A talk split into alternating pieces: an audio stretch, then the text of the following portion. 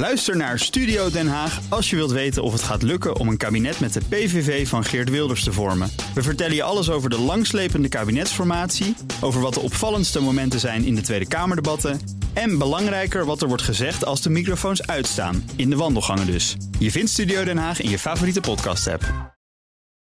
Beleggerspanel. Hoe lang is Apple nog 3 biljoen dollar waard nu het problemen ondervindt met het produceren van de Vision Pro? En inkoopmanagers en bedrijfscijfers tonen zich somber over de rest van het jaar. Maar is het nou een voorbode van een recessie? Dat en meer bespreek ik in het beleggerspanel met Simon van Veen, oprichter van het Sustainable Dividend Value Fund, en Wim Zwanenburg, stratege bij Stroeven en Lemberger. Welkom heren. Goedemiddag. Beleggerspanel en voor jullie beiden zeker niet de eerste keer. Wat is jullie laatste transactie? Wim. Uh, onze laatste transactie was uh, uh, zeg maar het ophogen van onze positie in PayPal. dat is een digitale portemonnee, zou je kunnen zeggen. dus ehm, ja, voor betaling tussen personen onderling, online, aan webwinkels enzovoort. Zonder dat je daar je direct je gegevens voor je creditcard voor hoeft vrij te geven. Die kan er uiteraard wel aan gekoppeld zijn en een bankrekening ook. De koers van PayPal had eh, behoorlijk wat ingeleverd, maar zit uh, dit jaar toch wel weer in herstel. En sinds onze transactie uh, eind mei ook beter gedaan dan degene waar we de posities wat hebben, hebben afgebouwd. In, sinds eind mei heeft dit aandeel toch zo'n 14% beleggingsresultaat gehaald tegen de S&P 7% En degene die we hadden ingeleverd, soortgelijke percentages. Overperforming. Dus, Uitperforming, en dat is uh, wat we willen natuurlijk. Uh, uh, nou, hier hebben we toch wel vertrouwen in voor de, voor de wat langere termijn. Het wereldwijde aandeel van online betalingen, dat stijgt toch nog steeds behoorlijk.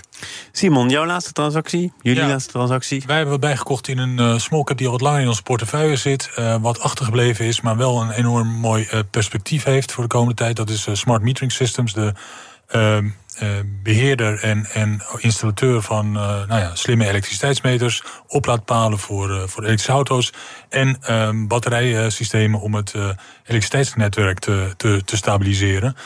Um, ja, dat zijn alle drie ja, groeiende, groeiende onderdelen waardoor de verduurzaming veel vraag naar is. En um, nou, wij denken dat dit bedrijf ja, nog heel veel gaat laten zien op dat vlak. en, maar het aandeel is gewoon goedkoop en, en interessant op dit niveau bij te kopen. Heel kort uh, beginnen we met een bedrijf dat uh, niet meer zo sterk groeit. In ieder geval niet onder de hoede van Heineken. Want uh, de grootste frisdrankmaker van het land wordt Deens. Het gaat om Frumo. Bottled Pepsi verkoopt onder andere Royal Club, bekende tonic... en wordt voor 300 miljoen euro van de hand gedaan door Heineken... verkocht aan Royal Unibrew. Ik sprak gisteren met de algemeen directeur Nederland van Heineken... en die zei, nou, we hebben een lange geschiedenis met elkaar... maar het is voor beide partijen beter om afscheid te nemen. Wim, waarom zou dat zo zijn? Ja, ik denk uh, eigenlijk uh, dat dit bedrijf uh, voor de Deense overnemende partij meer waard kan zijn dan voor Heineken. Want Unibrew zet daarmee weer een verdere stap in de internationale expansie en de distributienetwerk enzovoort. Terwijl het eigenlijk voor Heineken maar een bijzaak is. Uh, Heineken gaat zich toch veel meer op, uh, op, op de bieren focussen. En heeft daarbij al eerlijk gezegd uh, genoeg te kampen met steeds meer lokale merken. de, de craft beers. Maar dan ga je met die 300 miljoen euro die je hebt gekregen nee, voor, wereld, nee ook niet. Dus voor, voor, ik heb nog gekeken of er nog een reactie kwam van, van analisten. Er was maar één analist die er even kort aandacht aan besteedde van, van Morgan Stanley. En het gros van de analisten laat dit eigenlijk ja, het is een extra zakcentje voor, voor Heineken. Dus uh, door de markt werd het eigenlijk nou, nauwelijks echt op, opgepikt. Gisteren steeg de koers wel van Heineken met zo'n 2%. En ook de Deens Oven, maar Unibrew, die gaf een positieve koersreactie te ja, zien. voor Unibrew is het veel belangrijker. Hè? Ja, Heineken is minder dan 1% van de business. Maar voor Unibrew is het meer dan, meer dan 10%. Ja. En die kopen iets op een waardering... wat de helft is van de waardering van hun eigen aandeel. Ja. Dus dat maakt het voor hen zo interessant. Ze kopen dat, 12 keer de cash cashflow. Wat eigenlijk direct daarna uh, eh, 24 keer de cashflow uh, waard is. Dus dat is gewoon een hele slimme deal. Dus en, het, en, en, beide zijn Pepsi-bottelaars. En, en ja, daar gebeurt hetzelfde als wat je een aantal jaar geleden met Coca-Cola-bottelaars zag in Europa. Wordt allemaal geconsolideerd. En, en dat gebeurt nu uh, met Pepsi-bottelaars ook. Heineken tevreden, Unibrew tevreden. En dan gaan we naar iets waar het aanzienlijk minder goed gaat. Namelijk de wereldwijde industrie. Kamp met tegenvallende bestellingen. Blijkt uit verschillende cijfers van de inkoopmanagers die deze week op de mat vielen. Het FD schrijft over de Nederlandse industrie zelfs dat de daling van orders doet denken aan Daar is hij weer, de financiële crisis van 2008... en dat de werkgelegenheid in die sector voor het eerst in drie jaar krimpt. Uh, records dus, in negatieve zin. Simon, waar komt het allemaal door? Uh, nou ja, het, het, komt voor een deel omdat we uh, ja, stijgende rente zien. En dat daardoor iedereen wat voorzichtig wordt. En ook de investeringen, bedrijven worden iets voorzichtiger met investeringen. In de bouwsector, wat natuurlijk een belangrijk onderdeel ook is voor de industrie. Ehm, daar zien we dat niet alleen de rente, maar ook stikstofproblemen en gestegen materiaalkosten uh, zorgen voor een, uh, voor een vertraging in ieder geval. Ja, dat is dus de specifiek Nederlandse situatie waarin wel heel veel plagen elkaar in een rap tempo. Ja, nou, die, die, die rente is natuurlijk overal, uh, speelt overal een rol. En, en in bedrijven worden daardoor iets voorzichtiger met, met nieuwe investeringen. En ja, angst is ook dat door, de, door, de, door een recessie de vraag van consumenten terug gaat vallen. Ik heb het idee, uh, Wim, dat dat uh, renteinstrument jou iets, iets minder zorgen baart. Omdat je zegt, ja, veel bedrijven uh, hebben die rente al een tijdje vastgezet. Het hoeft niet voor iedereen meteen de genadeklap te zijn. Nou, dat formuleer je heel, heel goed.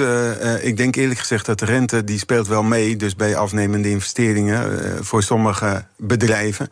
En je ziet overigens bij andere bedrijven juist investeringen toenemen. We zitten in transitiefases van verduurzaming van de energietransitie bijvoorbeeld. En niet in de laatste plaats digitalisering maar goed, uh, dit gaat over de industrie. En uh, ja, de industrie heeft een uh, minder groot gewicht op de totale economie. De diensteconomie is veel groter geworden. We zien het overigens niet alleen bij de rapportage van de Navy, maar de PMI-cijfers, de Purchasing Manager-cijfers, zoals die ook door SP Global en door het ISM, Institute for Supply Management in de VS, worden geleverd. Die laten ook al een tijd lang nu een, een dalende tendens zien. En echt onder de 50, hetgeen duidt op, op krimp. Maar, in, maar toch is het geen voorwoorden. Ja, ik, vind, ik vond het echt uh, eerlijk gezegd wel, wel overdreven. Maar de, uh, naast de. Naast de rente is er nog een andere factor. En dat is gewoon zeg maar, het, het voorraadeffect. Bedrijven zijn echt weer aan het interen op hun voorraden. Die waren overbesteld. Overordend. Onder andere, hè? hebben we natuurlijk vorige nou, week al Daar zag je het ook. Inderdaad, na de coronapandemie uh, kregen we de logistieke problemen, de distributieketens die verstoord uh, waren. En ieder bedrijf ging uh, niet just in time, maar just in case extra voorraad bestellen, zodat ze daarmee konden leveren aan cliënten. En ook nog reservevoorraden, wat, wat ophoogde reserveonderdelen enzovoort. En dan zag je echt wat gewoon decennia lang een, dalende trend was, de zogeheten inventory to sales ratio, de omzet ten opzichte, de voorraad ten opzichte van de omzet. Uh, dat die echt behoorlijk steeg. Nou, en dat wordt nu weer allemaal genormaliseerd. Dus ik denk dat hier echt nog wel sprake is van een tijdelijk effect, een echo van de corona. Als het, als het voor een belangrijk deel toe te schrijven is aan die voorraden waar je nu voor een prikje vanaf moet, dan zou je kunnen zeggen: als die voorraden op zijn, is het tij ook snel weer gekeerd. Nou, dat is ook zo. Die voorraden gaan niet onder een, onder een bepaald niveau... Uh, en dat verschilt per bedrijf, niet onder een bepaald niveau dalen. En als dat, dat minimale niveau van voorraden in zicht komt... dan zullen bedrijven, uh, als hun vraag in de tussentijd niet teruggevallen is... Uh, gewoon weer gaan inkopen en weer bestellingen gaan doen. Het is dus wat mij betreft niet echt allemaal aan vraaguitval uh, te, te wijten. Want de consument blijft wel besteden, maar gaat anders besteden. Hè. Uh, de terrassen zitten vol, de horeca, de events, de evenementen, de experiences, de internationale reizen. Daar en de beach-aandelen zijn dat tegenwoordig. Hè? Booking, entertainment, ja, airlines, ja, cruises precies, en hotels. Zijn gisteren ook al aan bod geweest bij uh, Corné. ja, die heeft daar ook nog een uh, over geschreven. Ja. Maar dat, dat zegt dus dat die dienstenkant het uitstekend doet. Dus de composite, uh, uh, zeg maar, inkoopmanagers, hè, dus voor de, de gehele economie, die staat nog wel in een expansiefase. En eigenlijk zie je toch de laatste maanden, je ziet het consumentenvertrouwen weer opkrabbelen. En zeker in Amerika toch wel uh, positive surprises. Dus de gerealiseerde zeg maar, arbeidsmarktcijfers, huizenmarktcijfers, die waren beter dan verwacht. En ja, dat geeft ook tezamen met de verwachting dat, uh, ondanks het feit dat de centrale banken wat waarschuwen voor die rente, dat ze nog meer dat rentewapen willen inzetten om de inflatie te bestrijden. Maar ze zitten wel een beetje aan het eind van de cyclus. Dus de markt, de aandelenmarkt met name, kijkt vooruit. Nou ja, dat, dat Simon wilde ik ook even aan jou vragen. Het is echt niet zo dat ik het nou per se over een recessie wil hebben, maar ik zou niet de eerste en de enige zijn.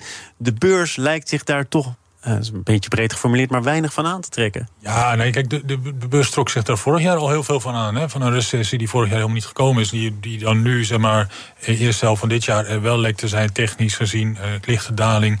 Maar, maar, maar je moet eerlijk zijn. Uh, er zijn heel weinig werklozen. Werklozen nog steeds ja. laag. Er worden relatief weinig mensen ontslagen. Tegelijkertijd de mensen die werk hebben, die krijgen nou, allemaal een nette salarisstijging, 6, 8, 10 procent. Uh, ja, omdat het even duurder is geworden natuurlijk. Hè? Ja, maar goed, gaan dat geld, gaan dat geld wel, wel uitgeven.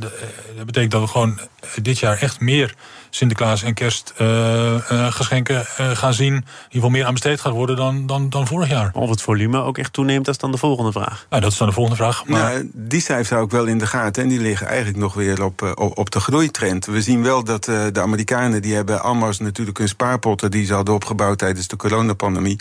Toen konden ze niet besteden, dat ze die wel uh, om hebben gekeerd. Maar uh, desalniettemin, uh, je ziet gewoon die stijgende trend van die bestedingen, wat Simon ook noemt, uh, vanwege de gunstige arbeidsmarktcondities. Mensen hebben een hoge baanzekerheid en als ze eventueel ontslagen worden wegens reorganisatie, vinden ze ook wel snel een andere functie. We gaan naar deel 2 van dit panel. BNR Nieuwsradio. Zaken doen. Thomas van Zeil. En dit panel dat is het beleggerspanel met Simon van Veen en Wim Zwanenburg. Het waardevolste bedrijf op aarde bereikt opnieuw een record. Apple is 3 biljoen dollar waard op de beurs. En de maker van de iPhone is daarmee ook het eerste bedrijf dat überhaupt zo'n waardering behaalt. Als je, geef ik eerlijk toe, Saudi Aramco of het andere speciale gevallen even voor het gemak niet meerekent. Tegelijkertijd vragen beleggers zich af of ze voor eeuwig moeten koersen op bekende producten of niet. De nieuwe Vision Pro bril, die is revolutionair, maar ook complex, loopt flinke productieproblemen op. En om het eventjes toch wat nader te specificeren, Simon. Ik zei ja, in de intro, de prijs van Apple, ja, die is 3 biljoen dollar waard. Is dat wat jou betreft ook de waarde van Apple? Of zit er ja, al wat de, de, de beurswaarde heb je het over. Hè? Ja, de, de, beurswaarde ja, die is dit jaar gewoon bijna 50% omhoog gegaan in de eerste helft van het jaar. En dat is natuurlijk gigantisch voor, voor, een, uh, voor zo'n groot bedrijf. En um, dat gebeurt dan in een jaar waarvan we eigenlijk analisten eigenlijk verwachten dat de omzet wat tegen zal vallen en net iets lager uit zal komen. Dat, dat is al twee kwartalen op rij nu het geval, geloof ik. Ja, precies. Dus omzet komt lager uit dan vorig jaar. Winst zal ook iets dalen ten opzichte van vorig jaar. Allemaal niet schrikbarend, maar toch. En tegelijkertijd 50% koersstijging. Dat, dat kan alleen als het eh, vanaf volgend jaar en de jaren daarna heel, uh, heel hard omhoog zal gaan met omzet en winst. En ja, als je het dan moet hebben van die, uh, van die nieuwe bril waar we het zojuist over hadden, ja, dat, dat, dat is dus een heel groot vraagteken. maar Apple moet het natuurlijk al jarenlang hebben van dezelfde trits aan bekende producten. Waar en, blijkbaar wat, wat, ze, wat, ze wel, wat ze wel heel goed doen natuurlijk. En iedereen koopt toch weer de nieuwste versie van de iPhone. Dus um, uiteindelijk denk ik dat dat belangrijker is. Of de nieuwe iPhone. Maar, maar puur kijkend naar de cijfers, kun jij het niet helemaal verklaren? Nee, ja, de, de aandeel staat 30 keer de winst nu. Hè. Dat, is de, ja, dus de, uh, dat was uh, zeg maar 20 keer de winst begin van het jaar. En uh, nou, dan heb je het over een redelijk duur geprijsd aandeel. Maar 30 keer, nu het echt over een echt, over een echt duur bedrijf. Wim, we hebben het wel vaker, eigenlijk al jaren over dit soort aandelen. Met name ook Apple met jou. Ja. dus jij bent er goed in thuis. Heb je het zelf ook in, in de portefeuille zitten? Ik heb het zelf, het is zelfs in mijn privéportefeuille de grootste positie.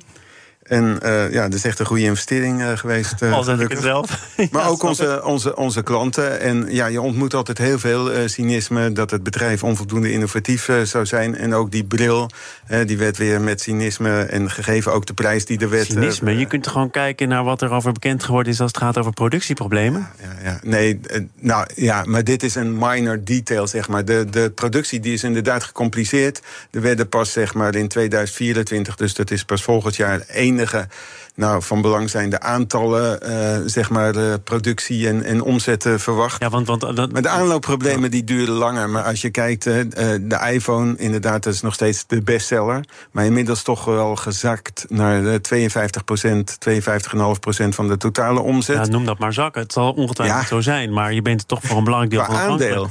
Nee, maar precies. Nou, en uh, de 13 en de 14 Pro en noem maar op, dat uh, de, uh, krijgt iedere keer hele positieve reviews. En mensen kopen toch, toch die dingen vanwege de betere camera, het grotere geheugen. Maar even naar Simon. en het feit dat de apps worden gekoppeld. Die zegt, ja, nee, dit, dit, dit, dit, jaar is er eigenlijk niet zo heel veel reden voor enthousiasme als je kijkt naar de ontwikkeling van de winst en de omzet. Vanwaar dan toch de verdubbeling van de waarde op 50 procent?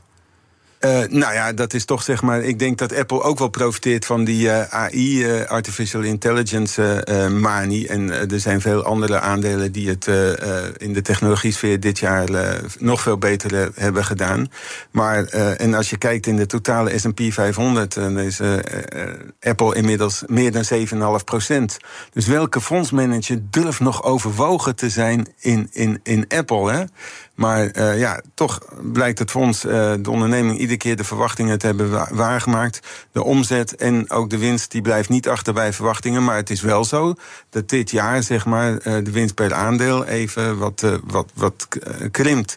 Maar uh, als, als je kijkt de diversificatie van, uh, van, van de diensten enzovoort, ook de wearables. De Mac doet het nog steeds heel erg goed. zelfs de iPad is toch ook nog steeds zo'n 7,5% van, van de omzet. Nou, maar dat zijn dus oude getrouwen waarvan je weet dat doet het nog wel goed. maar hoe lang is het inmiddels geleden dat Apple echt iets op de markt bracht waar de wereld van schrok en van dacht, nou nu hebben we iets nieuws gezien daar zien we voorlopig Het is misschien niet meer zo als 10 of 15 jaar geleden... dat de mensen echt in de rij staan wanneer er weer een nieuwe uh, iPhone wordt uh, gelanceerd. Maar als je kijkt naar uh, de rijen komen überhaupt minder voor... want ze worden gewoon online besteld. Maar omzet loopt nog steeds goed. En voor volgend jaar... en Apple heeft natuurlijk een gebroken boekjaar... dus het boekjaar 2023 is, is bijna voorbij. Maar het boekjaar 2024 dus van september tot september het jaar daarop volgend wordt toch weer een winststijging van in de dubbele cijfers verwacht, meer dan 10% Mijn woorden geplakt op het antwoord van uh, Wim, zeker aangaande die bril laatst een beetje klooien hoort erbij. Er wordt nu nog wat mee geëxperimenteerd. Het zal niet zo'n hele slok op een borrel schelen, want de aantallen zijn nog zeer beperkt. Ik geloof dat het ging om 400.000 verkochte brillen. Was de verwachting tegen 4000 euro per bril. Nou, dat gaat natuurlijk geen pot te breken op zo'n eh, mega omzet en mega winst. Maar staat het voor iets groters of niet? Ja, nou ja, de verwachting is wel dat het in 2025 uh, eh, enorme vlucht zal nemen. En, en uh, dat die aantallen veel hoger gaan worden. En, en dat, is, dat zijn de aantallen die, uh, die in die, ja, die, die zeg maar, verwacht geproduceerd gaan worden. Alle begin is moeilijk. Ja, alle begin is moeilijk. En het, kost, het is het meest gecompliceerde consumentenproduct ooit gemaakt, uh, las ik. Dus ja, dat. Met de reviews over wat het zou kunnen. Ik zie mezelf nog niet met zo'n ding oplopen hoor. Maar uh, de filmpjes die zijn wel uh, inspirerend. Ik zie Wim ook niet meteen rondlopen in kledij van uh, Shein. Dat is Chinees. is al een half jaar het grootste online modebedrijf op aarde. Heeft alles te maken met ultra-fast fashion. Oftewel razendsnel en goedkoop produceren. En Shein verkoopt al in 150 landen. Werd zo groot onder andere vanwege TikTok en het gebruik van algoritmes om de vraag van consumenten snel in te schatten. Ik zie Wimmer niet zo snel inlopen. Ik denk niet dat wij de doelgroep. Wij zijn niet de doelgroep. Nee, maar kende je het wel? Want het is natuurlijk eigenlijk een soort verborgen grootheid. Ja, het is enorm uh, bekend onder uh, uh, nou ja, de, de, jongeren. en daar hoor ik misschien net niet meer bij. Nee. Hebben zij een, een, een, een mooie toekomst als het allemaal mee zit op de Amerikaanse beurs, of niet? Ja, dat is, dat is een goede vraag. Ja, we hebben natuurlijk eh, afgelopen tijd de tendens gezien dat Chinese bedrijven juist door allerlei extra eisen van de Amerikaanse toezichthouder um, en de andere kant op gingen. Dus terug naar, naar, naar eigen land, zeg maar, en de listing eh, weghalen. Ja, die listing. En die listing. En nu, en nu zie je dus uh, het omgekeerde. Dat zij ook, omdat natuurlijk een groot deel van hun klanten daar zitten. En dat ze in ieder geval ja, de beurs van New York willen. En uh, nou ja, het is op zich uh, wel mooi dat, dat uh, de ESG-component eraan zit. Hè? De, de, de, ja, de verontwaardiging zeg maar, uh, bij een brede publiek over de arbeidsomstandigheden in de fabrieken waar de producten gemaakt worden. Dat zijn niet de fabrieken van Shein zelf, maar van hun leveranciers. Uh, maar toch, uh, zij zijn daar mede verantwoordelijk voor.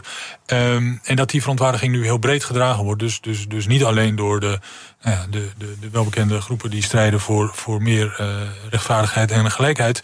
Um, uh, en betere arbeidsomstandigheden. Maar ook nou ja, door de toezichthouder, de beursautoriteit, de Amerikaanse politiek. Uh, die zich daarmee bemoeit en een mening heeft. En, maar ze zeggen, ze komen ook met deze aankondiging op het moment dat er veel gedoe is over hun eigen influencers. Die ze op kosten van Shein naar ja, die China hebben laten vliegen. Gelegenheid van die beursintroductie, aanstaande beursintroductie, uitgenodigd om langs te komen. En, en, en die gingen daarover Ja, berichten. Rapporteren. Rapporteren, nou ja. Heel onafhankelijk. Ja, precies. En die modelfabriek was prachtig. En die modelfabriek, ja, het was een propagandareis. Het is eigenlijk heel opmerkelijk, want China is steeds meer gesloten voor journalisten. Maar deze influencers werden uitgenodigd om juist in China een kijkje te nemen en dan met mooie rapportages Ik, ik weiger om journalisten en influencers in in één en dezelfde zin voorbij te horen komen in dit Nee, daar heb je gelijk in. Maar eh, eh, het, eh, het heeft wel impact en, op, op elkaar. Maar de toezichthouders die nu zeg maar de beursintroductie moeten beoordelen. Hè, en eh, Shein, daar ging het gerucht van dat ze een filing hebben gedaan. Dus in feite dat ze in de fase zitten van toestemming krijgen voor die beursnotering. De toezichthouders die krabben zich nu wel achter de oren of de informatievoorziening en niet alleen op sociaal vlak, maar ook op financieel vlak wel eh, deugdelijk is. Dus ik, ik begrijp dat ook jij het niet ziet gebeuren. Die beursnotering van Shein in Amerika. Eh, nou, ehm, laat ik zo zeggen, ik, ik beschouw dit als een eh, randfenomeen en niet als een eh, aantrekkelijke beursintroductie waar eh, wij voor onze maar, cliënten maar, maar achteraan toch, nog even, toch nog heel even dan eh, kritisch kijken naar je eigen portefeuille. Hè? Dat is een discussie die natuurlijk al langer gevoerd wordt. Waar houd je eigen verantwoordelijkheid op? Kijken jullie wel eens naar eh, bedrijven die misschien in die portefeuille zitten... waar ook het een en ander zou kunnen gebeuren in Xinjiang... Hè? Die provincie waar Oeigoeren aan het werk worden gezet? Ja, nou ja, dit is, dat is een van de dingen waar, waar wij naar kijken. Een van de uh, factoren in het hele selectieproces is ESG. En onder ESG valt inderdaad de, nou, onder de sociale component. De S uit ESG valt onder andere de arbeidsomstandigheden voor de medewerkers. En ook, ook de medewerkers uh, van, van leveranciers bijvoorbeeld in de, in de productieketen. Uh, dus dat is absoluut een, een punt waar van aandacht in ons. Het is een item. Sterker nog, we moeten daar ook over rapporteren aan onze klanten in het kader van de SFDR, Sustainable Finance Disclosure Regulation. En ja. Wat klanten zien uiteindelijk, en die gaan daar toch wel wat, wat vragen over stellen. Dus de ESG-criteria die nemen we tegenwoordig toch wel mee bij alle beleggingsbeslissingen. Dank, geachte leden van dit panel. En die leden waren Simon van Veen, oprichter van het Sustainable Dividend Value Fund... en Wim Zwanenburg, stratege bij Stroeven en Lemberger. Beleggerspanel wordt mede mogelijk gemaakt door Annexum. Al meer dan 20 jaar de aanbieder van vastgoedfondsen. Dit panel is overigens ook te beluisteren als podcast. Abonneer je vooral even via je favoriete kanaal of onze eigen app, de BNR-app. Straks gaat het over leiderschapskwaliteiten van Beyoncé en Angela Merkel. Toevallig of niet, allebei oudste dochters. Blijf luisteren.